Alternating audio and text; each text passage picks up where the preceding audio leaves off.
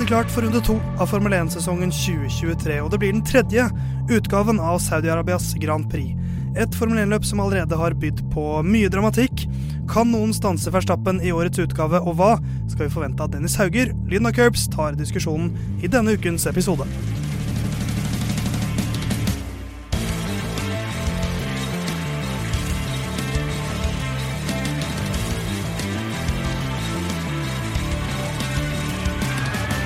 Lyden av Curbs tilbake i øret ditt. Theis Magelsen her bak spak og klaff nok en gang for å prate om Formel 1 i Lyden av Curbs sin 46. episode. Heldigvis ikke alene denne gangen heller. Min gode, gode, gode, gode, gode kollega på høyre side, paddelprinsen fra Langgangen, Herman Borgstrøm. Hvordan går det med deg i dag? Det går uh, veldig bra. Ja. Uh, jeg har jo en uh, padelskade. Ja, på høyre albu. Yes, hvor jeg da var og spilte i helga og tryna.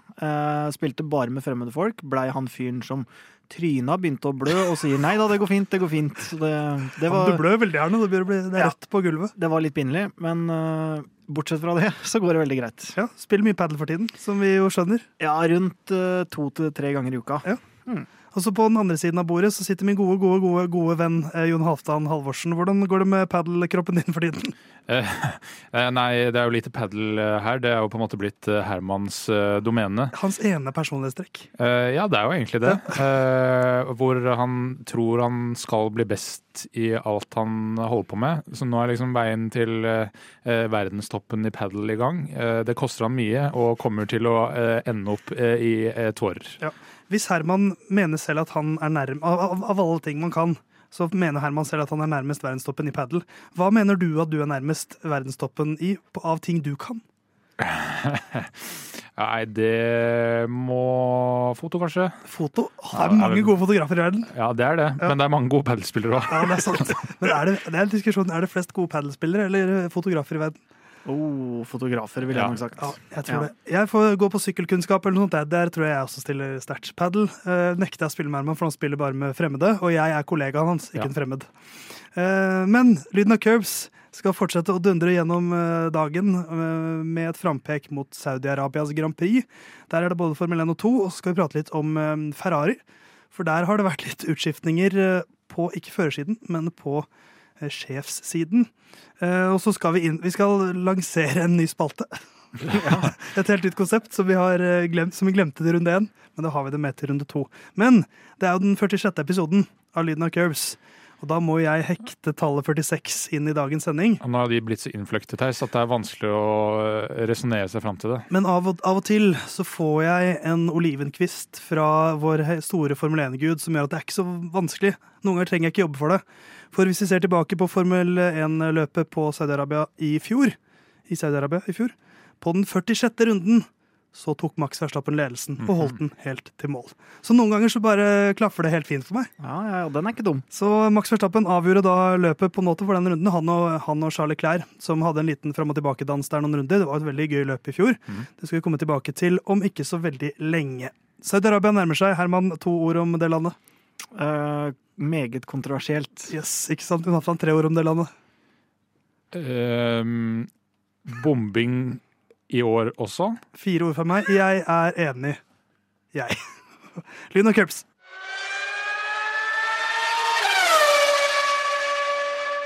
Saudi-Arabias Grand Prix står for tur, og eh, det er jo et løp som vi bare har sett to ganger. Eh, og det er de to gangene det har blitt kjørt, fordi eh, det er en ganske ny bane. Og tradisjon tro, Jon Halvdan, så må vi ha en gjennomgang av Saudi-Arabias Grand Prix Jeddah Street Circuit på et vis.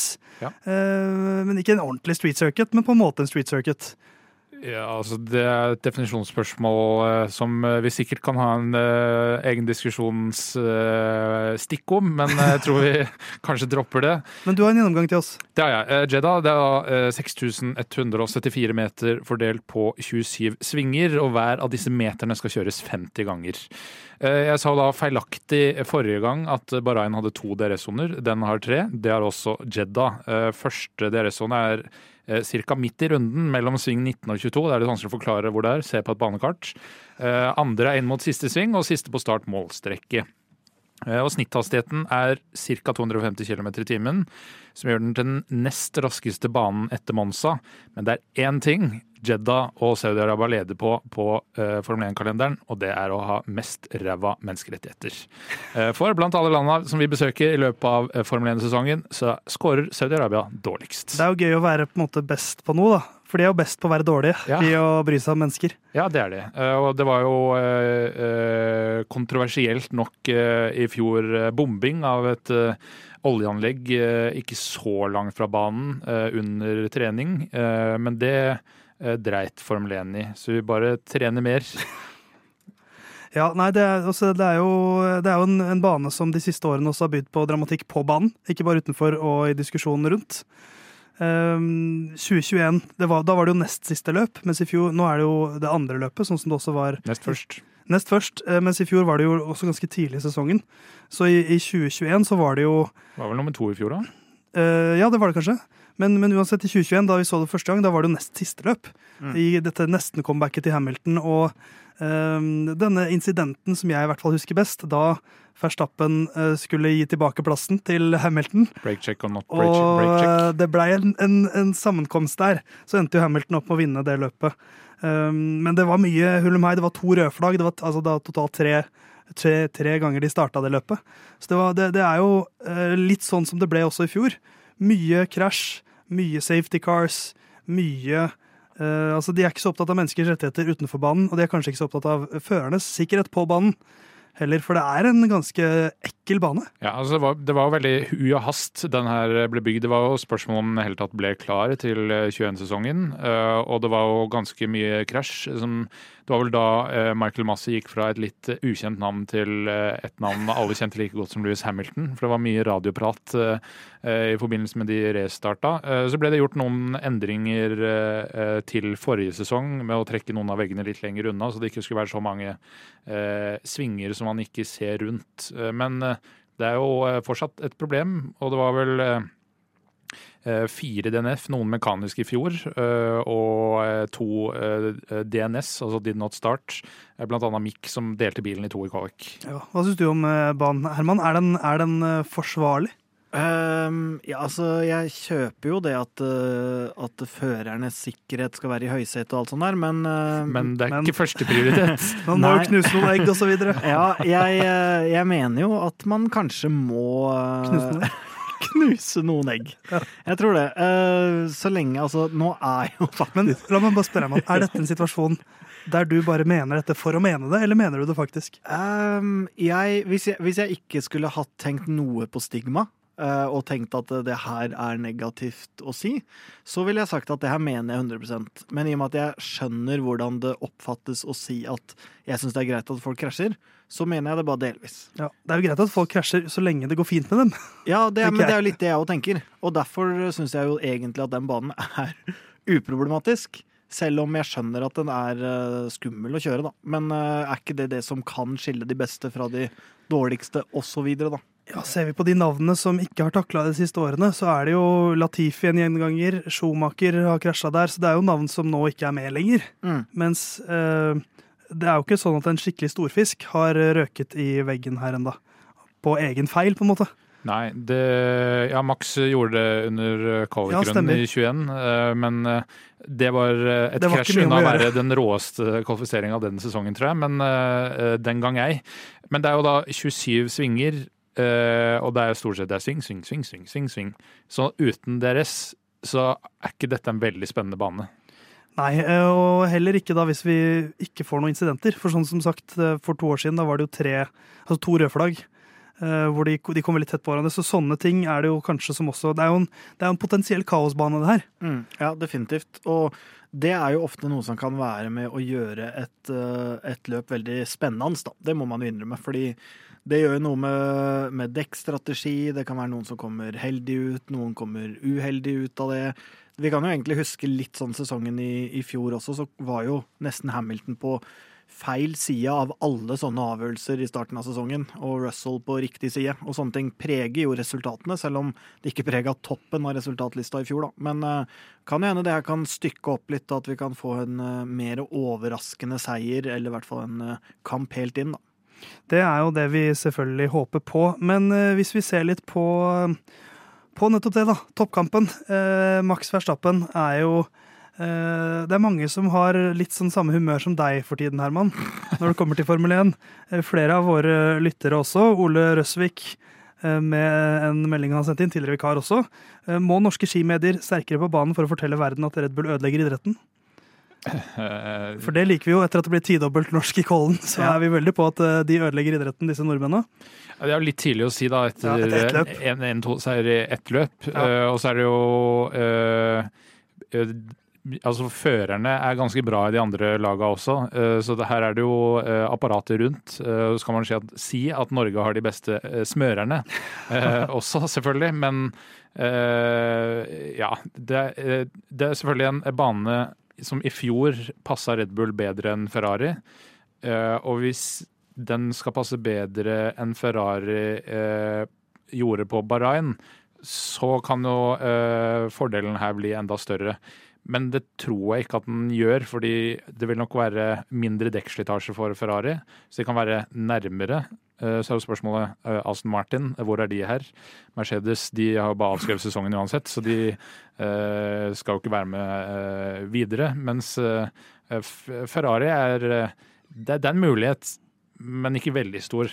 Ja, og, det, og ja, Max Verstappen har ikke hatt pole position ennå i i Saudi-Arabia. Så det er jo lov å håpe at det ikke skjer tredje år på rad. Og hvis han først havner litt i møkka der i starten det er jo ofte, det er jo, det er liksom, hvis, hvis Verstappen får en god start Det du egentlig sier nå, er at du vil at de andre skal ta den litt.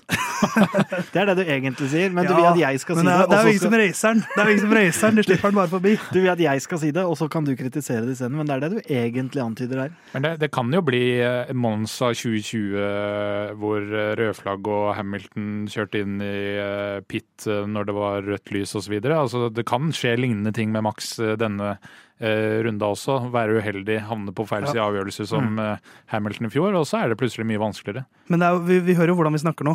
Ja, Hva skal til for at Max ikke vinner? Jo, noe Rare omstendigheter. noe, for hvis, hvis alt bare går OK for han i typ eh, flaks Hvis han ikke har uflaks, så, så er jo han stor favoritt i hvert eneste løp nå. Det Ja. må vi kunne si, det syns jeg vi kan konkludere med, selv etter bare ett løp. Ja, For vi vet jo hvordan, hvordan det er, hvordan, hvordan det liksom pleier å utvikle seg. ja, de kan gjøre dårlig setup på da, Red Bull. Ja, Eh, De kan gjøre taktiske feil. Det er ikke sikkert at de vinner med halvminuttet hver gang. liksom. Nei. Og så er det jo et wildcard her uh, som, man, uh, som man jo er nødt til å, å tenke litt over, er jo hva er Tsjeko god for? Og Ja, det det er er tynt. Det er absolutt tynt. han, han slo han i kvalik i fjor i Saudi-Arabia. Ja. men det er ikke Det er, det er litt eh, Det er Og litt Tsjeko er god på street circuits, Ja. det vet vi jo. Ja, som faren sier. Fra Mexico. Som faren sier, så kan han kjøre de ordentlige banene, de gatebanene.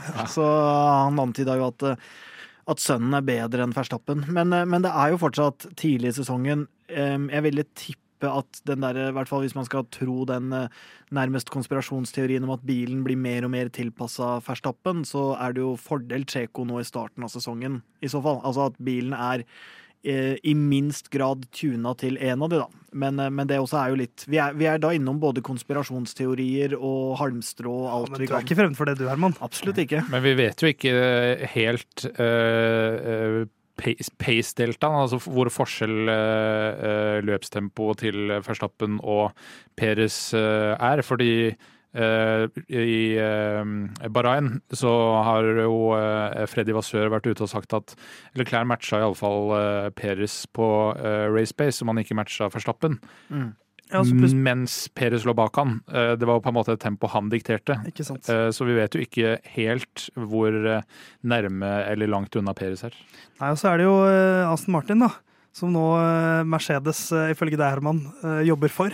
Ja, det Hva er er, det? For det, apropos, du, kan ikke du oppsummere en konspirasjonsteori litt kjapt her? Jo, det For det har vi tid til i dag. ja, det kan jeg gjøre. Det er at uh, Mercedes har gitt opp sesongen. Det har de jo på en måte antyda sjøl òg, at eh, her har de bomma.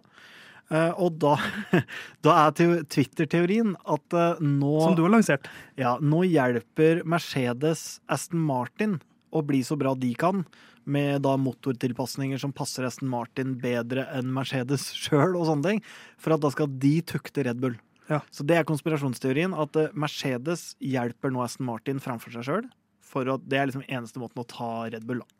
Det er jo en teori Det er en teori, ja. som man kan velge å tro på. Men uh, når vi først snakker om Aston Martin, så syns jeg vi kan ta et spørsmål fra Øystein Dale. Uh, send oss gjerne spørsmål på Instagram. Han skriver 'Stroll herjet sist løp med ødelagt håndledd'.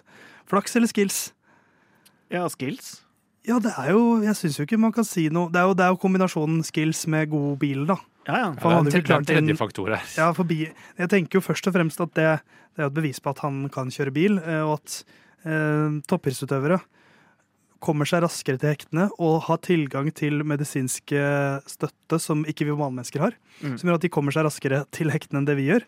Um, Ja, det ble jo, han ble jo intervjua etter Bahrain, hvor uh, han gikk gjennom hendelsesforløpet og uh, uh, behandlingsprosessen etterpå. Og det, er, eh, det legen har sagt, er eh, eh, dette går på smerte. Det er ikke farlig. eh, men, eh, så det er jo hva smertetoleransen er.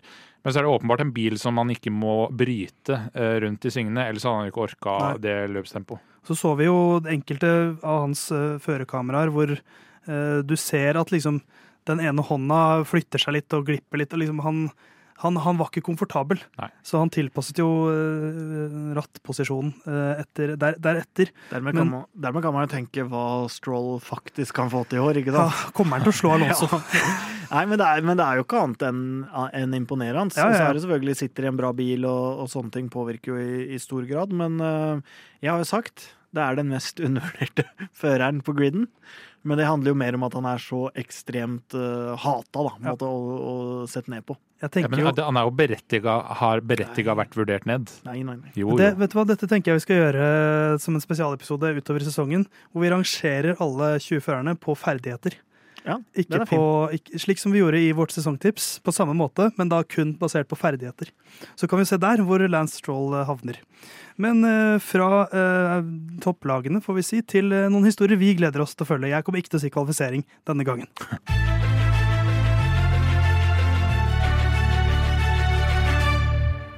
Vi skal eh, dykke videre inn i Saudi-Arabias Grand Prix og fokusere litt på noen historier som vi gleder oss til å følge de neste dagene.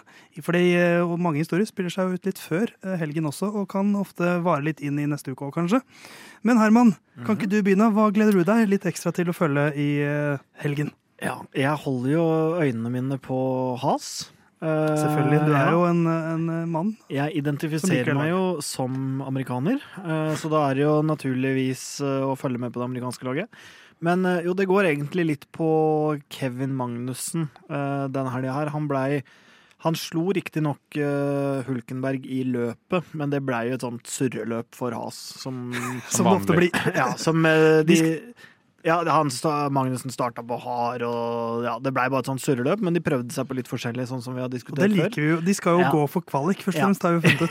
Ja. De skal ha pole. Ja, men, eh, men, det, men det jeg har lyst til å følge litt med på, er jo egentlig Jeg skal til kvalik, ja, på en måte. og du tar en teis? ja, og, og se, fordi Magnussen ble jo knust av Hulkenberg sist. Det var riktignok noe eh, trafikk, og det var jo også si, litt timing. Han, han fikk det ikke helt til, men eh, det er jo ikke en trend som han vil like at skal fortsette, i hvert fall. Sånn at eh, det å se hvordan de to gamle traverne, som kanskje er på siste reis begge to, hvordan de duellerer, det er jo litt spennende. Så det er jo ganske lite sannsynlig, vil jeg tro, at eh, ja, Kanskje ikke så litt sannsynlig, men at uh, Gynter kaster ut begge etter sesongen.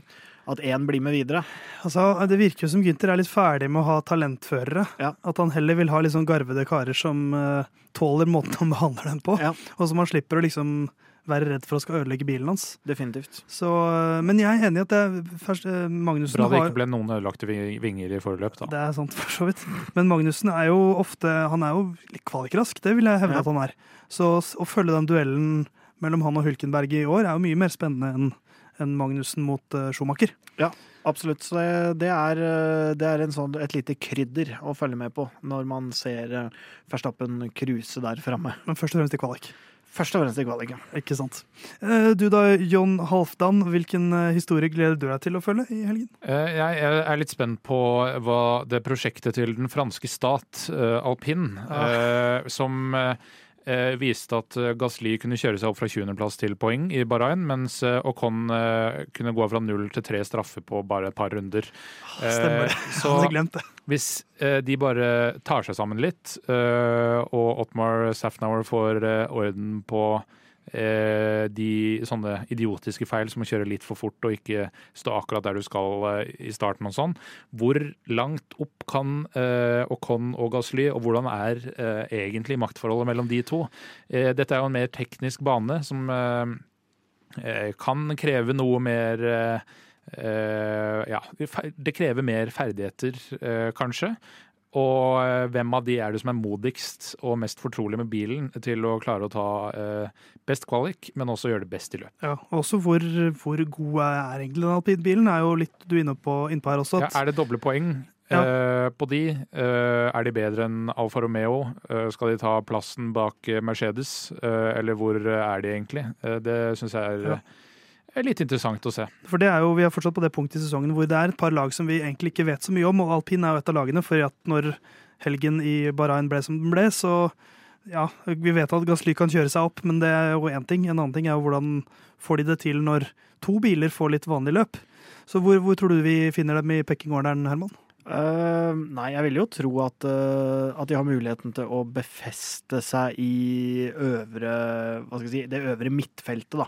Nå blir jo ikke det nødvendigvis midtfeltet som uh, i form av å ta poeng, men at de er rundt tiende til sjuendeplass jevnlig, det vil jeg jo tro. Kan de ta kampen mot Mercedes? Og Aston Martin er jo også et spørsmål her. For de, de var jo bedre enn McLaren i fjor, men så er jo spørsmålet om de har, har de nå blitt tatt igjen av Aston Martin. Og klarer de å liksom nærme seg de lagene der nå, eller er de fortsatt Nei, på samme sted? Det lurer jeg på. Ja, jeg tror heller spørsmålet er hvem er best av Alfa Romeo og alpin. Det, det er, de er der, ja. Ja, jeg øh, rangerer de som klart nummer fem øh, øh, i lag til nå. Men uh, man vet jo aldri. Altså, det kan være en bane som passer de bedre enn noen av de andre uh, midtfelt- eller førerne, eller bilene, da, sånn som Ferrari Mercedes og alpin. Uh, så er det jo da toppsjiktet i Red Bull. De er jo uangripelige uansett. Ja, og så er det jo veldig interessant førerkabal, da. For jeg, eh, jeg rangerer jo Con som førstefører av de to, selv om jeg ser at det er jo veldig jevnt med tanke på erfaring og eh, resultater og alle Ja. de tinga her, men, eh, men det er jo hva skal jeg si, det er nok ikke så gitt for deres del. Nei. Og det er jo en eh, historie de to imellom og sånne ting også. Jeg føler det er kanskje av alle førerduoene her, så er det en av de mest udefinerte. Ja. For uh, altså selv, selv, selv i Has så føler jeg at liksom, man må nesten si at Kevin Magnussen er en slags sånn med tanke på at han har vært i gamet i fjor, og er liksom Hulkenberg er jo den nye som kommer inn. Ja, men, men selv der på naturlig talent så holder jeg Hulkenberg Ja, det- et øh, det- lite hakk over Magnussen. Ikke uenig, så, så Og det jo Gasly og Has og Con er mye vanskeligere å Ja. avgjøre, uh, syns jeg. Fordi uh, Gasly jo har gjort det bra eh, tidligere i Alfa Tauri. Ikke forrige sesong, men da gjorde ikke Alfa Tauri det noe bra i det hele tatt. Eh, mens eh, Ocon har eh, slitt med å være uenig med lagkamerater før. Både eh, Peres Ikke så mye rom for dem mot Alonso, men Alonso var ganske sur på han i perioder. Eh, pluss at eh, han og Gasly drev og kroppa hverandre ut av bildet på Instagram og sånn. Ja, stemmer det. Men, jeg, men ja, det, for det, Ocon er jo, har jo en snill gutt-image, som en av de få med vanlig bakgrunn, på en måte. Men eh, det er som du sier, Jon, han har liksom Jeg så jo på, eh, var det fjorårsløp eller året før, hvor han og eh, Alonso fighta veldig bra i Saudi-Arabia. Ja, Vi kritiserte de vel også, fordi altså, vi De- de- applauderte TV-tida de fikk, men De strakk det litt Det var liksom risiko som gikk litt lenger enn det som kanskje var lurt. Mm. Det var lite lagtankegang. Altså de fikk jo beskjed etter hvert at nå holder vi posisjonene, gutter. Ja. Så, um, så enig. Og Gasly har, jo, Gasly har jo fått sjansen hos et topplag. Det har jo ikke Ocon ennå. Eh, Og Gasly svikta jo der, på en måte, så det det er en spennende dynamikk å følge videre. Eh, Jeg har eh, en historie som jeg ser fram mot. Som ikke, den er på en måte kvalikrelatert også, men den er mer løpshelgen som en helhet. Og det er jo et lag som jeg hadde liksom Det har jo vært en liten kjæledegge for meg veldig lenge. Mye pga. Formel 1-spillet som vi har spilt mye, nemlig Williams. Hvor jeg alltid har kjørt Williams når vi har kjørt sammen, fordi jeg har vært historisk sett den beste av oss. Så jeg har fått den dårligste bilen, sånn som vi jobber. Um, og så har jeg liksom fulgt med på dem og håpet hver sesong at nå, nå skjer det noe. nå skjer det noe. Så skjer det jo faen ingenting. Nei. Aldri skjer det noe som Men helst. nå skjer det noe. Men Men det er det jeg lurer på. Er det nå det skjer noe? For det de viste i Bahrain, greit, de var heldige med ditt og datt, men uansett, de er nummer 10 og 12 med en rookie. Um, og da med Albon som tok poeng, det ene poenget for dem. Mm. Så jeg er så utrolig spent på utviklingen videre. Altså, om den, om den går i dass, så er jo det også utvikling, på en måte, men da får jeg i hvert fall svar på Da får jeg knust det håpet. Da får jeg slukket håpet. Jeg vet ikke om jeg ville knust det enda, da, men uh... Men hvis de er helt off i kvalik nå, for eksempel, da er jeg litt sånn OK, kanskje de får det på enkeltbaner. Men jeg, Ja. jeg håper jo at de skal liksom kunne gjøre litt sånn som Alfa Romeo for eksempel gjorde i fjor. da. Ja. Tar litt sånn sjumilssteg. Uh, og det de viste i starten Men det er de, i Bahrain, var bra. Ja, men det, og det, det, i Bahrain så er det de og Aston Martin som har forbedra seg mest uh, av alle lag. Og nå begynner jo å se mer ut som et lag som skal være med litt. Uh, og det kan bli kamp om å være mest ræva lag. Uh, Haas er fortsatt en kandidat til å være det, men McLaren har meldt seg på der også. Og Williams ser ut som de er i ferd med å melde seg ut. Ja, og det de, de, og som du sier i Bahrain, der i Bokvalik Pace så var jo Logan Sargent på samme tid som Lennon Norris, så han var jo nesten i Q2. Ja, så nære som du kommer. Ja, fordi øh, Norris satte tida først, Ja. så ble det ikke Q2 på Sargent. Og, um, og Albon var jo Han var, uh, han var nesten topp ti i Q1. Ikke at det har så mye å si, men, men, men likevel. Det viser jo litt liksom en tendens om at det er tempo i den bilen der. Så, um, så det er mitt uh, Det skal jeg følge litt ekstra med på i, nå, nå i helgen som kommer. Men uh, vi har jo bevisst kanskje holdt oss litt unna uh, spådommer om topplagene. Vi skal prøve å spå hvordan helgen ender.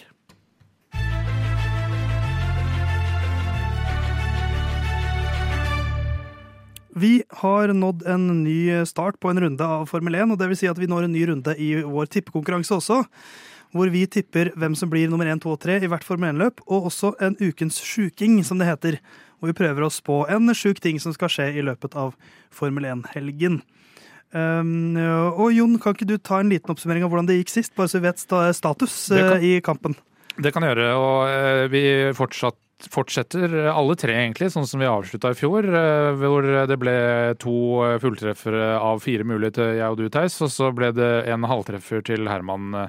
Eh, Så det er egentlig det bildet det var eh, i fjor også.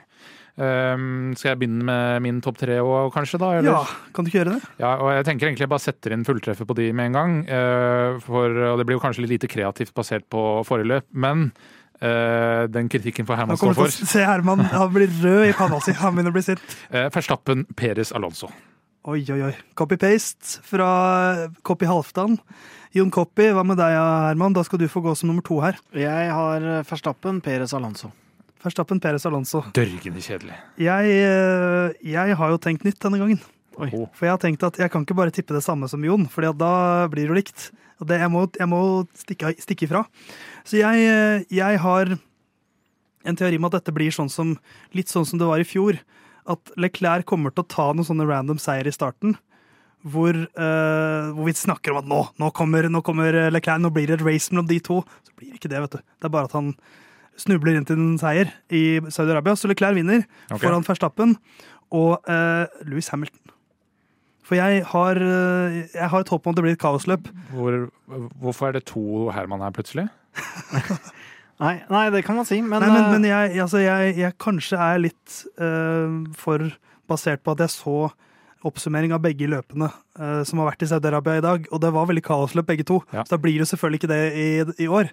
Men, uh, men jeg har et håp om at det blir det. Ja, Vi får se, da. Ja. Uh, Men videre til godbiten Ukens sjuking, som da er 20 feite poeng.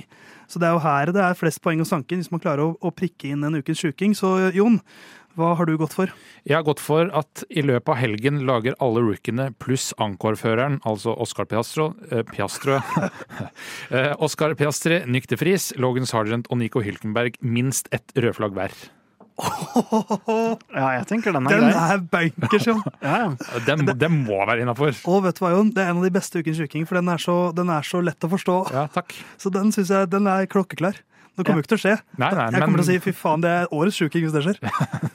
Men eh, lage noen andre i tillegg, det, det Nei, ligger ikke inni her. Det, det gjelder ikke. Så hvor mange rødflagg er vi oppe i da? Fem? Uh, ja, altså Det er jo i løpet av helga, da. Ja, ja, ja. Så FP1, FP2, FP3, kvalik-løp. Er, jeg er med på den. Én, to, tre, fire. Fire rødflagg. Ja. Ja. Ja, veldig sånn, ja, men den liker jeg. Da, Herman jeg syns nesten det ble raus, jeg nå, men, eh, men ja, jeg kan ta min. ja, men, du må, ja, men i løpet av For det, det er sånn Det kan godt hende det blir fire røde flagg i løpet av helgen, men det er veldig sånn disse, det er disse førerne som må gjøre det én hver. Ja da. Det er sant. Uh, men jo, jeg kan ta min. Uh, jeg har ingen biler bryter løpet. Like fullt kommer begge Williamsene på poeng. Oi. Ingen Ja, men den uh, Jeg, for å forskuttere litt, jeg er jo litt i samme område. Så den er, jeg har lyst til å godkjenne den. Eh, Det, det her er Fordi at- Nei da. Fordi at det ligger det, det, det, det ukens sjuking nummer én her er jo at ingen uh, biler Ja, jeg hadde lyst til å stoppe på den, men så får jeg så mye kjeft. Og jeg, jeg gir motstand på mye, men jeg klarer ikke å ta imot Ja. mer. Nei, men du, du, får, du får den av, øh, du får den av Serman. Takk. Får den av meg ja. Um, og da er jo spørsmålet hva jeg får som svar på min. For jeg har jo egentlig en som er veldig lik din, Herman. Mm. Ehm, jeg har doble poeng på Williams. Begge biler topp ni. Nei, den går jo faktisk ikke da. Nei, vi kan ikke Hva- For dette er jeg forberedt på. Ja, for den kunne jo gått Ja, jeg, hvis ikke jeg, jeg, jeg, tror hadde jeg, jeg tror jeg hadde fått den hvis det ikke hadde vært for ditt. Det kan eh, være, faktisk. Men da strammer jeg til topp åtte. Jeg, synes, uh, Da snakker vi da, da må vi ha sjuende og Eh, ja, man kan altså, være, være, være litt mer konkret. Eh, Doble poeng pluss en minimum poengsum. Ah, ok, Doble poeng og, og minimum poengsum. Eh, hvis vi da sier minst åtte poeng Ja, ok, det, da- det er greit. Ja, min, minst åtte poeng, sier Ja, vi. ja, den er grei for min del òg. Eh, så mye Williams-fokus, da, Herman. Da er vi jo det er jo litt koselig Herman, at vi Ja. er i samme båt. Ja, det er det. Så får vi si fuck you, Jon. Ja, ja. Håper det går til helvete at det blir null rødflagg. Og så håper jeg at Williams dundrer inn og tar doble poeng. Minst åtte. Uh, og så over til en ny nytt, nytt konsept, ny Ja. spalte. Ja.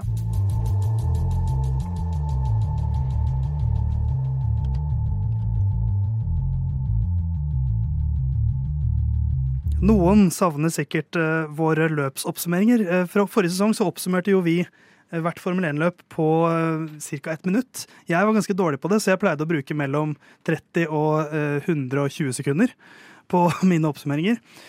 Vi har skrotet den, det konseptet, men vi har innført et nytt konsept som er en slags mer alternativ løpsoppsummering. Som vi glemte før Bahrain. Ja, på en måte mer kunstnerisk enn det vi hadde i fjor, vil jeg si. Ja, det kan man I hvert fall si. rom for ganske stor kreativ frihet. Det Eh, tok jo jeg meg sist også, da. Ja. Det må jo sies. Ja, ja, og den er jo Ja, også litt Kunstnerisk frihet eller eh, halvveis frihet. Men, men jeg tenker jo også at dette for meg i hvert fall er litt inspirert av julekalenderen vår eh, i fjor, hvor vi hadde liksom oppsummering av alle eh, førernes sesong på en veldig liksom, kreativ vri. Vi lagde sang, vi lagde limerick, vi lagde Terje Vigen, eh, vi sa Lille venn. Eh, mange forskjellige varianter. Eh, de podkastene kan du finne, og det er fine oppsummeringer av fjoråret. Og på Instagram. Ja. Eh, og TikTok. Og eh, det vi skal gjøre i år, er å fokusere mer på enkeltpersoner. Fordi at vi bor i et samfunn hvor individene skal heves fram. Og dette er jo en, en sport som elsker å heve fram individer. Så vi skal rett og slett hver uke lansere tre kandidater. Hvor eh, du der hjemme på vår Instagram-side kan stemme på en av disse tre. Og så kommer vi da i neste episode til å oppsummere helgen til kun den personen. Uh, og da kanskje vi setter oss litt inn i hodet til den personen og, og later litt som at vi vet. Kanskje forteller vi førsteperson. Kanskje er det tredjeperson noen ganger. Kanskje begge deler. Uh, veien blir litt til mens vi går. Det blir kanskje tydelig neste uke hva dette faktisk er. Når vi får første oppsummering. Men vi skal da lansere én kandidat hver. Og så du der hjemme som skal da stemme på uh, hvem det blir. Så Jon, Jeg er først du, ut. nei, du kan gå som nummer to. Ok. For Herman, du skal begynne. Ja. Eh, For min, eh, for min del så er det jo ganske enkelt og åpenbart. Hvis dere skulle gjette, hvem hadde dere trodd jeg sa? Lawrence Stroll. Ja, ikke sant. Det er riktig. Det er riktig. Null sekunder betenkningstid. Ja, så min eh, kandidat er å se på Jeg vet om han er der, skal, skal dit i det hele tatt? eh, Men det, er- det er fortsatt mulig å ta Lawrence Stroll. Ja, Han skal ja. jo se løpet. Ja da, men han er der. Det er ikke noe å lure på. Han Sitter er hjemme og ser Lawrence Stroll compilation på YouTube. Løpet og Men det, er, men det er uansett da å oppsummere helga, for min del, som Lauren Stroll. eh, Eller den av oss det blir, da, som skal Ja. gjøre det. Og da er jo hva skal jeg si, Det man får da, ved å velge det her, er jo et, eh, et eh, lageiers perspektiv på helga. Med sikkert litt ekstra fokus på sønnen. Sånn at, og det kan jeg legge til her òg. Det som er det litt artige, er jo at hvis, hvis, det, hvis Aston Martin bryter første Altså begge bilene bryter runde én på, i løpshelga. På løpet, så må man jo fortsatt oppsummere helga Ja, ja. som Lauren Stroll. Ja. Sånn at det er jo det som ligger litt i konseptet her at vi etter hvert må leite etter noen litt originale takes. da. Og det er jo ca. ett minutt. Og på det redaksjonsmøtet som eh, du eh, aldri er med på, Herman, så ble jeg og Theis enige om at eh, den som blir stemt fram, skal oppsummere personen de har lansert som kandidat. Så da blir det Lauren Stroll på meg i så fall. ja. I Hvis, så fall. hvis Lauren Stroll blir stemt fram. Du Jon, jeg lovet at du skulle gå som eh, nummer to, og det har jeg tenkt å holde. Ja, uh, eh, tusen Hvis takk. du vil, da. Jeg Ja, skal ikke tvinge deg. Ja, tusen takk, eh, Theis. Uh, jeg, jeg går rett på uh, eh, de store med en gang. Eh, det skal, og vi kommer mer inn på det om litt, men det har vært en tøff mellomuke for enkelte Ferrari-førere. Eh, her eh, blir det helga til Charles Leclerc. Hvordan eh, er bilen, hvordan opptrer laget, hvordan ser det ut i forhold til Red Bull? Irriterer han seg litt over Carlos Sainz på et eller annet vis? Ja, eller Freddy Vasør. Skal han ringe Ferrari-sjef John Elken eh, midt under løpet kanskje? Vi får se. Men det blir å følge med litt ekstra med på hvordan helga til Charlie Clair blir. Ikke sant. Jeg skal til en av vennene til Charles Leclerc i paddocken. En jeg tror han liker best å prate med, nemlig Lando Norris. For det, vi har snakka mye om hvem som var uheldig i Bahrain. Eh, Den oppblåsbare bilen til Norris. fem pitstop cirka. Så- Seks. Ja, seks pitstop, så, og han ble jo da sist eh, med to runder bak Max Verstappen. Så jeg ser jo for meg at han kanskje er Han er jo litt sånn kar med litt humørsvingninger, har jeg inntrykk av. Så at han kanskje nå er litt sånn deppa inn mot helgen. Og kanskje nei, signert lang kontrakt. Det er dårlig stemning i i McLaren. Det ser ut som det går åt skogen. En litt sånn irritert Landon Norris eh, inn i, eh, inn i Saudi-Arabia-helgen er jeg veldig spent på. Hva som, hva som knirker rundt i hans hue. Så får vi se eh, hvem av disse tre som blir stemt fram. Gå inn på Instagram-siden vår. Lyden av Curbs heter vi der. Og så er det da slik at hvis en eh, av disse eh, personene blir valgt, så kan ikke den bli lansert igjen. Men hvis eh, du ikke blir valgt, så kan du da havne tilbake i poolen av aktuelle navn. Så hvis det blir Lawrence Stroll eh, Eller bassenget, som du ville sagt, Herman. Yes. Så slipper man eh, de skitne tankene. Eh, Poolen! ja, ikke sant? Men så, så hvis det ikke blir Landon Norris, så kan det fortsatt bli han senere i sesongen. Men eh, neste uke får du da høre første gang vi skal oppsummere på denne måten. Nå hopper vi et steg ned til Formel 2.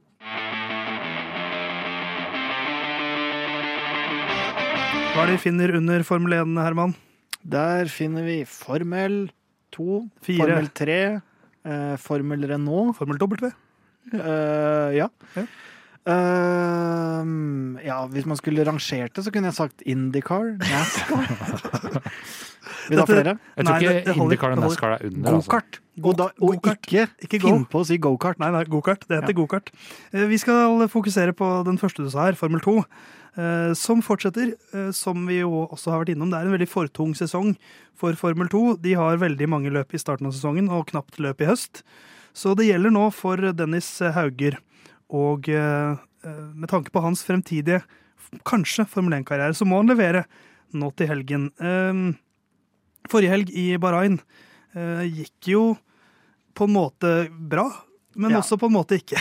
Av det han styrte, så gikk det jo bra. Eh, det må vi jo kunne si. Hva var det også. som, hvordan gikk det, Herman? Eh, Det han, som han styrte. Altså, vi må ta litt ansvar for egne feil også. ja, men Lag, men det er jo, jeg føler når turboen svikter, og de må bytte motor og Ja, turbo ja, jeg tenkte i fjor. ja, ja, Ja. nei, hvis du hører på hva vi sier, Nei, jeg hørte, jeg hørte getter. så hadde du fått med deg at vi snakka om Bahrain eh, nå forrige gang de kjørte. Rollene er reversert, plutselig. Ja. Men, eh, men ja, Han forrige, er idioten, han der nå. i årets første Formel 2-løp så kvalet Dennis Hauger um, ganske ålreit. Og så eh, kommer hoved, eh, sprintløpet, hvor han blir nummer to. Hovedløpet eh, starter fra P4, var det vel? Ja, og litt passiv. og litt skvis og passiv i starten, og Ja. så stopper turboen, og da må han avbryte, rett og slett. Så det blir jo en sånn nestenstart på Formel 2-sesongen, eh, som gjør at han allerede er ganske langt bak toppføreren Theo Porcher, som har 32 poeng, mens Dennis har bare de åtte han fikk fra sprintløpet. Um, og vi har vel blitt enige om at han må ikke vinne i år for å nå Dere, Formel dere to har blitt enige om det. Ja, eh, som et flertall, altså. Ja. Vi har, du, er vi har, du er enig at regjeringen eh, bestemmes av et flertall? Det er ikke sånn at, mindretallet kan si nei, vi anerkjenner ikke den regjeringen. Ja, fordi, For da blir Donald Trumpsk, eh, Jonathan. Nå er du vår Donald Trump. Det er jo Herman som er. Men eh, det ville jo vært litt sånn hvis vi ikke kan ta noe dissens i det programmet her, Theis. Null dissens. Da kan vi begynne med timinuttersepisoder. jeg, jeg er helt enig, men vi skal ikke ha for overtalelse tyranni. Men han bør vinne i år. Ja, altså det er jo hans enkleste vei og mest realistiske vei til Formel 1 er jo at han eh, vinner ganske overlegent i Formel 2 i, i år. Jo, man kunne jo i teorien også sagt at det ikke nødvendigvis er nok til å, vinne Formel 2, men at man må gjøre det på en overbevisende måte. Legger man til en del av de tinga, eh, altså vinne, vinne overbevisende, eh, se bra ut, ha kontroll, grei konkurranse fra de andre, alt det der, så eh, ville jeg følt meg ganske trygg på at han har en sjanse for å nå Formel 1 neste år. Ja. Sånn at det er, det er mange faktorer som påvirker, men i teo, altså, det er jo ikke noe Det kan godt hende han kan eh, ta enda et år i Formel 2 og komme til uh, Formel 1 også. Det går litt på timing. Plutselig vil kanskje Red Bull uh, se an førerkabalen enda et år til, gir I ettårskontrakter. hvert Altså, fall hvis Helmut Marko gir seg nå. ja. Ja, ja. Så det er, det er mange faktorer som påvirker, men den derre mest logiske varianten, den derre mest logiske varianten, det er å vinne Formel 2 overlegent nå, og så rett inn i Formel 1. Ja, da, da, hvis, hvis han får til det i år og vinner Formel 2, da har han jo, veldig, har han jo CV-en på plass. For da har han vunnet Formel 3 og Formel 2. Mm. Og liksom, da, da, da vil han være høyt på, eh, på lista over eh, unge karer som er aktuelle for Formel 1. Så da var jo ikke starten optimal, men så skal vi huske at det er mange løp igjen. Men i Jeddah så har han jo noe uoppgjort, Jon Hafsan. For det husker vi fra i fjor, det du vil inn på. Ja, det er jeg vel inn på. eh, da kalte han P10. Og da eh, starter du jo da i første posisjon i sprintløpet. Hva skjedde da? Eh, Det skjedde at det gikk Det var mye start og stopp i, i tidlig i løpet, og han holdt unna både safety car og restart. Eh, Så var det en krasj eh, nærme eh, pit entry, som er da etter siste sving. Så pit lane ble stengt. Og Hauge fikk beskjed om å kjøre gjennom pit av laget, selv med blinkende kryss og beskjed om at det var stengt. Han var eneste som gjorde det. endte jo da opp bakerst, for dette var under safety car. Og fikk en drive-through-straff fordi han kjørte gjennom pit eh, etter at den var eh, stengt. Det var kanskje til og med stop and go, det husker jeg ikke. Det var i hvert fall nok til at det løpet ble helt ødelagt, så der røyk jo sannsynligvis kanskje hans første eh, Seier. Formel 2-seier. Eh, Og det var jo litt sånn det vi prata mye om i fjor, var jo alt det drittet som skjedde med Dennis. Mm. Og nå har du begynt med en helg hvor det så Han kjørte veldig bra, Mm. men så er det en dritting som skjer, som selvfølgelig skjer i det viktigste løpet. Så hva, hva er det viktigste for Dennis nå på Jedda, Herman? Jeg holder jo en knapp på stabilitet, ja da. Altså det å unngå å være Hva skal jeg si Å havne i for mye rot. Jeg syns jo eh, tidvis forrige sesong, og det er klart, jeg sitter da i et podkaststudio på Majorstua i Oslo og skal mene noe om en veldig talentfull fører, men sånn det så ut som eh, gjennom TV-skjermen for min del, var at han liksom ikke hadde stabil, nok stabilitet, da. Ikke nok stabilitet i, med form av fart, ikke liksom manøvrering i felt, og åpenbart heller ikke gjennom bilen, som gikk mye i stykker, da. Sånn at eh, Og Deruvala, som tidvis heiet, var jo også vanskelig å ha med å gjøre. det er sånne ting jeg ser fra Oslo-området. Men jeg, for jeg, jeg er jo enig i at det var mye opp og ned, men samtidig så syns jeg de siste, siste liksom, kvartdelen av sesongen så var han veldig stabilt oppi der.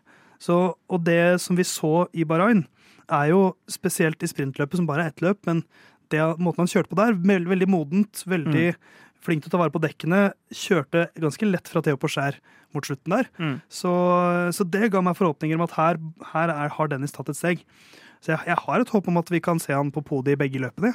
Ja, ja, ja, det må man jo ha. Og så er det jo litt sånn Hva var det han Porscher eh, Altså, hva, var det han hadde spist? Ja. Eh, For han, for, ja, for han var rå i kvalik. ja, ja, ja, men han var jo rå i, i løpet og for så vidt. Men sånn som i sprintløpet så tok han jo ikke vare på dekka på samme måte som, som Dennis. Men hvis, han, hvis det er et toppnivå han har inne denne sesongen her, så vil jeg jo nesten eh, tenke at han er umulig å ha noe med å Ja. gjøre.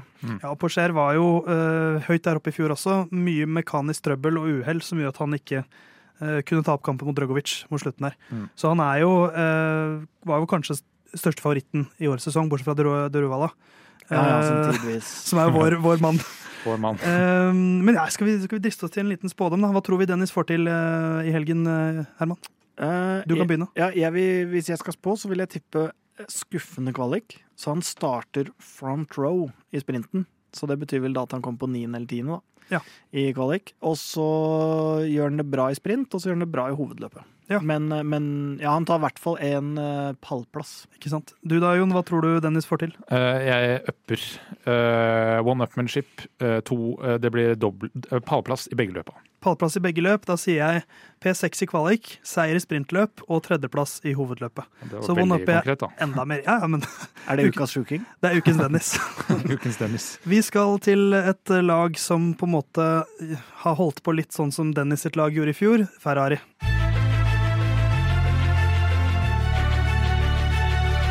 Det er dessverre slik at uh, det emnet vi skal ta tak i nå, er litt sånn tilbakevendende tema.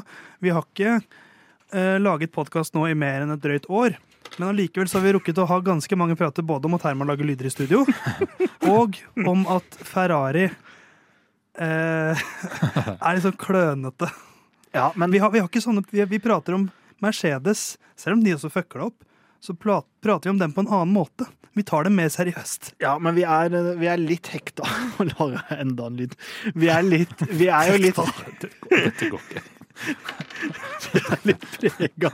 Vi er litt Hvor mange morsomme lyder kan vi lage? Uh, Nei, jeg har ikke flere, faktisk. Ja, ikke sant. Jeg, snart så, så kobler jeg på Siri igjen her òg, tenker jeg. Men uh, Men vi, jeg, tror, jeg frykter at vi Vi blir fnisete med en gang også. Når vi prater om Ferrari, Da blir vi fnisete og køddete. Jeg frykter at vi blir litt prega av uh, meme-kulturen og Twitter og det Ja, det røret der. Fordi Jo, jeg syns, jeg syns bare Altså, et lite varsko er at vi skal ikke vi skal ikke hoppe på for mye av den Ja, billige humoren. Jeg har ikke sittet to uker på Formula Dank liksom, de siste ukene. Det er, Det er min jobb. Ja, det er din jobb. Det er eh, full eh, fyr i italienske medier når det gjelder Ferrari. Rykter om at uh, eh, eh, Hva er det han heter? Uh, Charles Leclerc eh, har eh, bedt om møte med Ferrari-direktør eh, John Elkin eh, for å få eh, forsikringer om at eh, det gjøres de riktige tinga i laget. eh, og eh, man hører på Fredrik Vassør at han har gått inn i corporate-linja med en gang når det gjelder å eh, snakke om hvordan de gjør det i løpet. Jo, men én ting er jo nå, jeg syns bare sånn generelt at man hiver seg for lett på eh, det å hetse Ferrari. Eh, sånn som i fjor, og når man Men begynte det, sånn men det er jo så lett. Sånn som den tweeten jeg så forrige uke også med det her at det nå er i gang igjen med Ferrari fuckups og sånne ting. Jeg syns bare altså For all del, det her er en ting som er viktig å diskutere, og det er veldig relevant, og det er eh, nyhetsverdi, og det er, det er alt. Det er ikke det at jeg mener at ikke vi skal prate om det, men jeg bare føler at man veldig lett blir også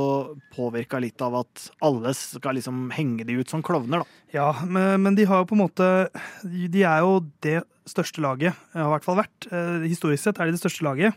Men de har ikke vunnet konstruktørmesterskapet siden 2008. Eh, Da var de ett poeng fra å vinne eh, førermesterskapet òg. Massa som mista det i siste svingen til Timo Glock og Louis Hamilton eh, i Brasil der. Eh, Og så vant de da i 2007 både konstruktør- og førermesterskapet med Kimi Raikonen. Eh, Og siden det så har de altså fjerdeplass, tredjeplass, tredjeplass, andreplass, tredjeplass, fjerdeplass, andreplass, tredjeplass, andreplass, andreplass, andreplass, sjetteplass, og så tredjeplass, andreplass. Så de har på en måte kommet seg litt igjen. Men det har jo ikke lyktes for laget som har hatt så mye penger og så mye historie og så mye press. Og da er det mye utskiftninger, Jonathan, og det har det blitt igjen. Uh, ja, dette var jo frivillig, da. uh, hvor eh, Ja, ja, det var det for Binotto òg. Nei, ja, men dette var oppriktig, Ja, okay. oppriktig frivillig. David Sanchez, som var sjef for konseptutvikling i Ferrari, har sagt opp jobben, er nå i gardening leave før han skal til McLaren, kanskje i en mer fremtredende rolle der. Um, og det er ikke det samme som at Binotto sa opp jobben, Nei. fordi eh, Binotto sa ikke opp jobben, mens han her har gjort det. Og det eh, er sannsynligvis et tap for Ferrari. Eh, og det eh, Han skriver på eh, sin egen LinkedIn at dette er en prosess han har tenkt mye på, og som har modna lenge, før han nå har trykka på avtrekkeren. Så her brukes faktisk LinkedIn til noe fornuftig. Ja, faktisk. Eh, Men det betyr også Altså, det har vært en stoldans med Team Principles i Ferrari, og som tyder på at dette er et lag som driftes dårlig. Altså uh, igjen uh, fotballanalogi, uh, men sånn Manchester United har drevet på med i lang tid. Det er bytte ut manageren, mens det på nivå over er problemer. og det er litt sånn det fremstår i Ferrari òg, at problemet egentlig ligger over, men det gjør man ikke noe med. Det er um, Team Principles det går utover, og til slutt så får gode medarbeidere nok og stikker til lag som McLaren, f.eks. Så en, en, dårlig kultur, rett og slett. Eh, det motsatte av Aston Martin, da, ifølge Herman. Mm. Hvor man har en god, en god, sjef på toppen som ansetter de rette folka. Men, men, det er jo eh, Jeg føler at Leclerc og Norris har havna litt i samme bås nå, føremessig, for de har skrevet under på veldig lange kontrakter. Eh, for lag som var litt i dytten da de signerte, mm. og som nå ser ut til å liksom Nå skal vi ikke avskrive Ferrari, men de ser jo ikke ut til å være nærmere Red Bull i år enn de var i fjor. I fjor virket det som at de hadde en sjanse, og det var jo deres beste sesong siden eh, kanskje 2018, egentlig. Eh, så det, det var jo et tydelig tegn på at da, da, hadde de noe, men da virka det som om de skusla det og rota det litt bort. Eh, og det at, at dyktige folk sier 'nå gidder jeg ikke mer'. For én ting er jo når du sparker folk og vil ha noe nytt, men når de flinke folka dine drar, da er det jo grunn til å være litt bekymra i enda større grad.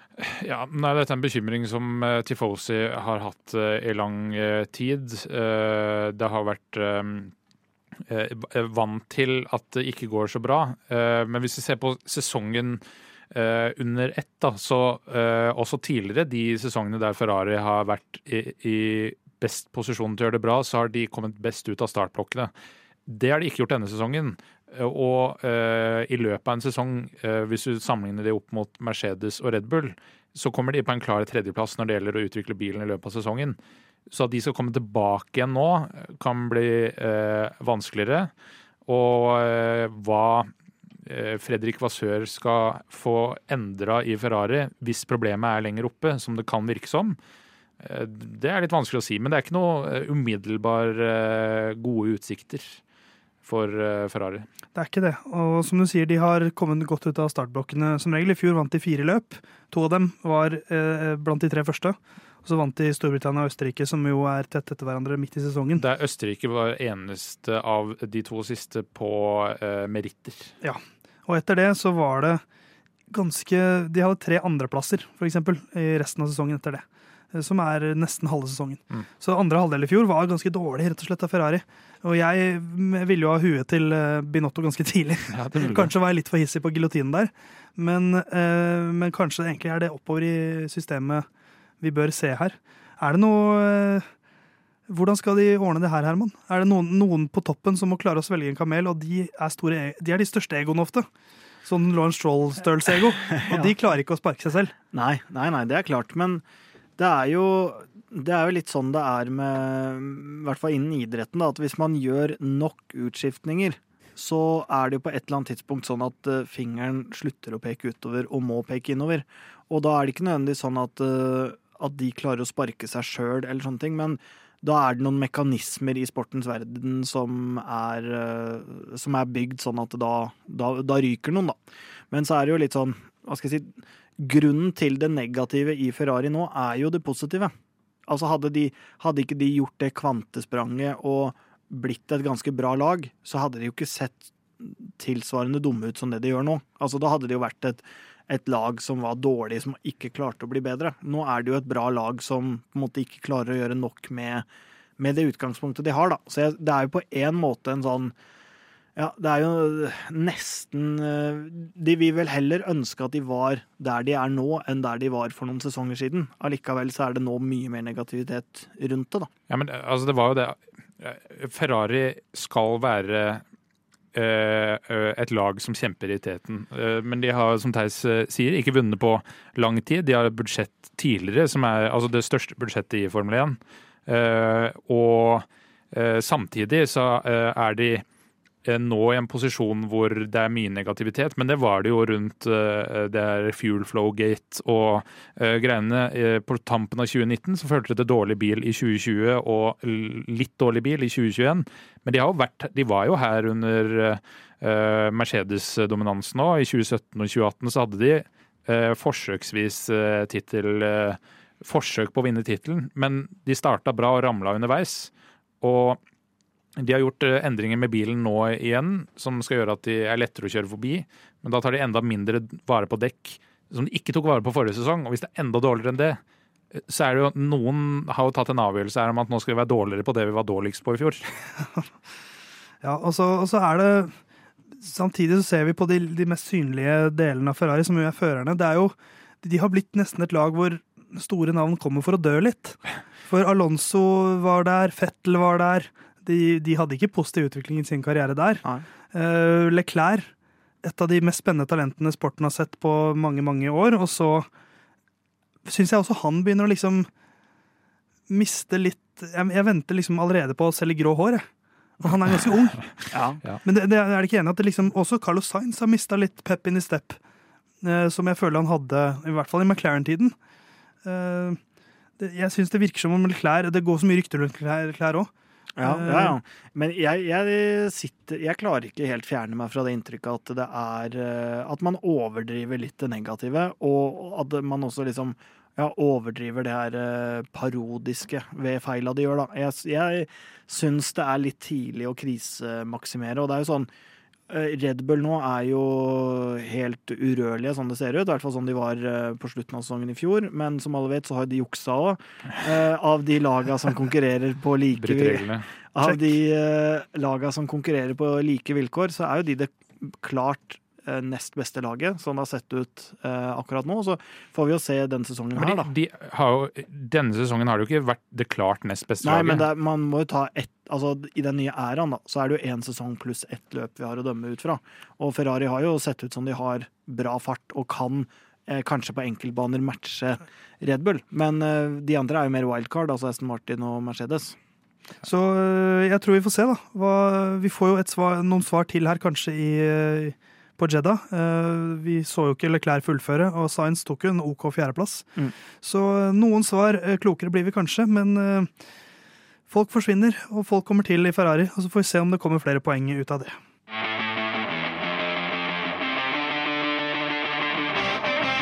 Formel 1-podkasten som heter Lyden av curbs, med Theis bak spak og klaff, med Herman, eh, min gode kollega, ute på siden her, og hun Halvdan, min gode venn, på den andre siden.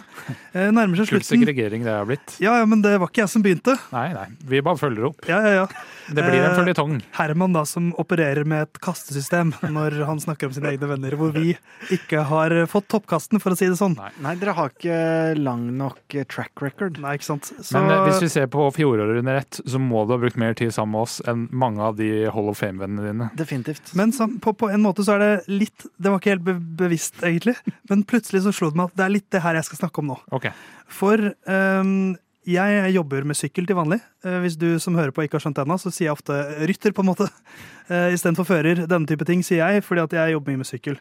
Eh, og denne helgen så eh, ble litt plutselig disse to verdenene, for jeg er veldig glad i Formel 1 og veldig glad i sykkel, disse to verdenene møtte hverandre. Tadej Pogacar, eh, verdens beste syklist de siste årene, vunnet Tour de France to ganger, vant ikke i fjor, men fortsatt verdens råeste syklist. Um, og hans uh, partner Urska Sigart, som også er proffsyklist, veldig god klatrer, uh, la ut et bilde på Instagram hvor uh, Pogacar sto ved siden av uh, Lennon Norris og Alexander Albon. Uh, Han bor i Monaco, så det er jo ikke rart hvis han liksom tilfeldigvis møter folk, men da skrev Pogacar at nå føler jeg meg litt Nå ble jeg starstruck. Og det syns jeg er litt søtt. At verdens beste syklist som har vunnet verdens største sykkelritt to ganger eh, Alle i verden har hørt om Tour de France. Egentlig Hvis de er litt interessert i sport, så har de hørt om Tour de France. Eh, Så at, at verdens beste etapperytter de siste årene blir starstruck når han møter to karer som kjører bil, det syns jeg er litt gøy. For to drittlag. Ja, Øh, akkurat nå så er det jo det. Hadde det liksom vært øh, Hamilton, da, så kan jeg skjønne det. Men det, det fikk meg til å tenke litt at jeg syns det er veldig interessant det hierarkiet mellom idrettsutøvere. Hvor noen, sånn som Pogacar er, blir starstruck når han møter Norris og Albon. Og da mm. slo det meg, når blir Albon og Norris starstruck? Hvem må de møte for å bli starstruck i idrettens verden? Men, men dette du, det kan jo hende at det går litt begge veier. Uh, Håper jeg nesten. Ja, men det har vel litt med interesser òg, Ja. fordi jeg kan ikke bli starstruck av en person jeg ikke vet hvem er. Nei. Eh, Så hvis Walter Bottas, da, som også er sammen med en uh, proffsyklist, og som sykler mye selv, hvis han hadde møtt Pogacar, Så kanskje det hadde gått litt begge veier. Ja, Da kunne han blitt starstruck. Mens hvis uh, Herman, da, som så vidt vet hvem Lewis Hamilton er, så han Ja. møtt ham på gata, så hadde han ikke blitt starstruck. Nei. For han vet jo ikke hvem det er. Nei, ikke sant. Men hvem, eh, hvem tror du Landon Norris blir starstruck av, Herman?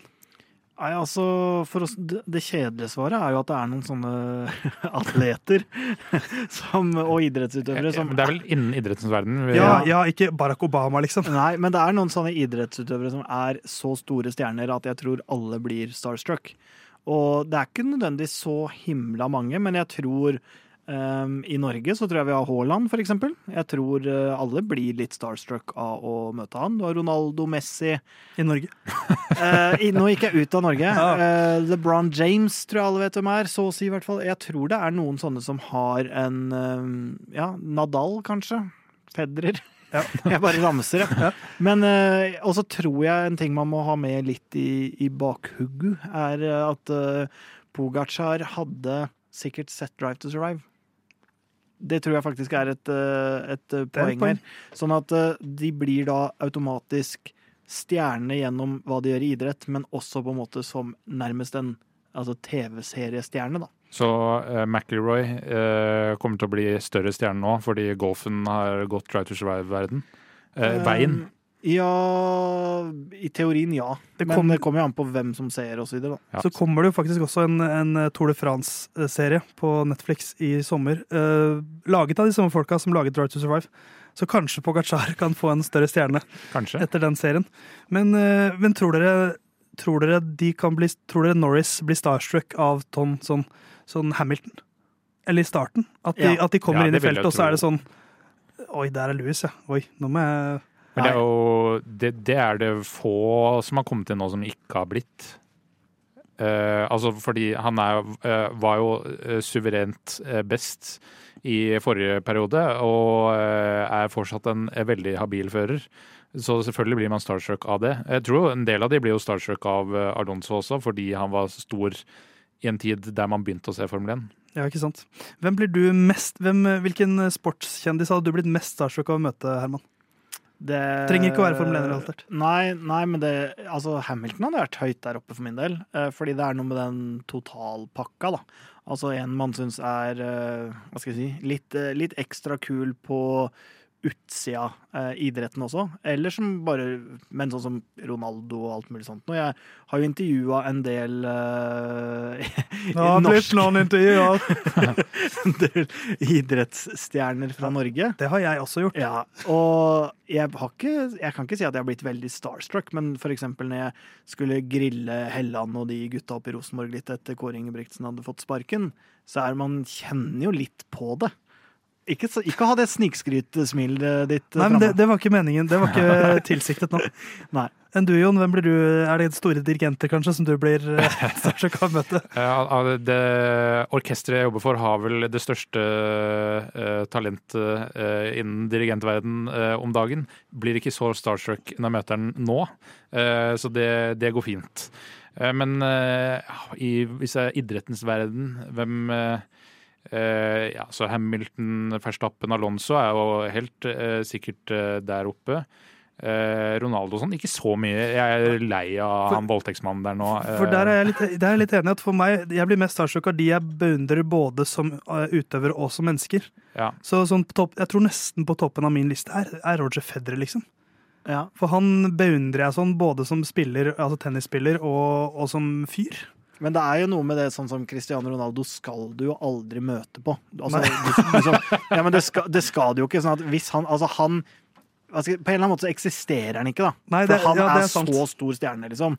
Uh, at han eksisterer ikke. Han, han kan du aldri se annet enn ute på den banen. Så det er liksom derfor jeg mener at der det er nok der eh, limit går for meg, han og Messi og ja. Ja. de aller aller største i sin idrett, som er fra en veldig stor idrett. Da. Jeg så Øystein Pettersen på Karl Johan forrige uke. Jeg ble litt starstruck. Så, så har jo jeg et håp om at denne podkasten vår og radioprogrammet skal bli så stort At folk kan bli starstruck og møte oss. Ja. Jeg så jo Jon Arne Riise på Majorstua Ja. eh, og ba om selfie. Ja. Og han ville ikke, men jeg, men jeg tvang ham. Jeg tuller ikke engang. Ja, det er bare fem år siden. Men hvis du der hjemme har lyst til å se bilder av oss, gå inn på Instagram-siden vår eller TikTok. Mm. Lyden av Curbs. Hvis mot formodning noen skulle lyst til å ta bilde av oss noen Ja. gang, så så si vær så snill, si Ja. Og, og hvis vi når topp 400, så slipper vi vel et eh, James Bond-bilde av Herman nå, gjør vi ikke det? På, det, på toppen. Det, eh, det skal vi love. Men det er faktisk min drøm nå. At en lytter kommer Ja. til meg og spør meg om en selfie. Og du som lytter på Luna Curbs, det vil være større for oss enn for deg. Ja, ja, Så hvis du spør oss om det, så gjør det oss en tjeneste. Så uh, gjør oss også en tjeneste. Gå inn på Lina Curbs sin Instagram og TikTok-side. Følg oss der. Tips en venn om podkasten vår. Så når vi ut til enda flere, så er sjansen større for at Herman, noen tvinger Herman til å ta bilde av uh, han på Majorstua en eller annen gang. Vi er tilbake neste uke. Da skal vi oppsummere Saudi-Arabias Grand Prix. Jon Halvdan, du skal få uh, fire ord. Du pleier å bomme på antall ord. Men så Han skal vi klarer fire ord på å avslutte sendinga. For din del. Først kvalik, så løp. Klink. Eh, Herman, fem ord. Det går bra, det går. Det var sånn jeg begynte sendinga med at jeg sa at jeg hadde tryna og sagt 'det går bra'. det. Ja. Så nå vil jeg si 'det går bra, det går', men jeg klarte det jo ikke. Vet du hva, Jeg klarer ikke å følge etter det der. Så jeg sier ha en strålende uke. Kos deg med Saudi-Arabisk Grand Prix. Vi er tilbake neste uke.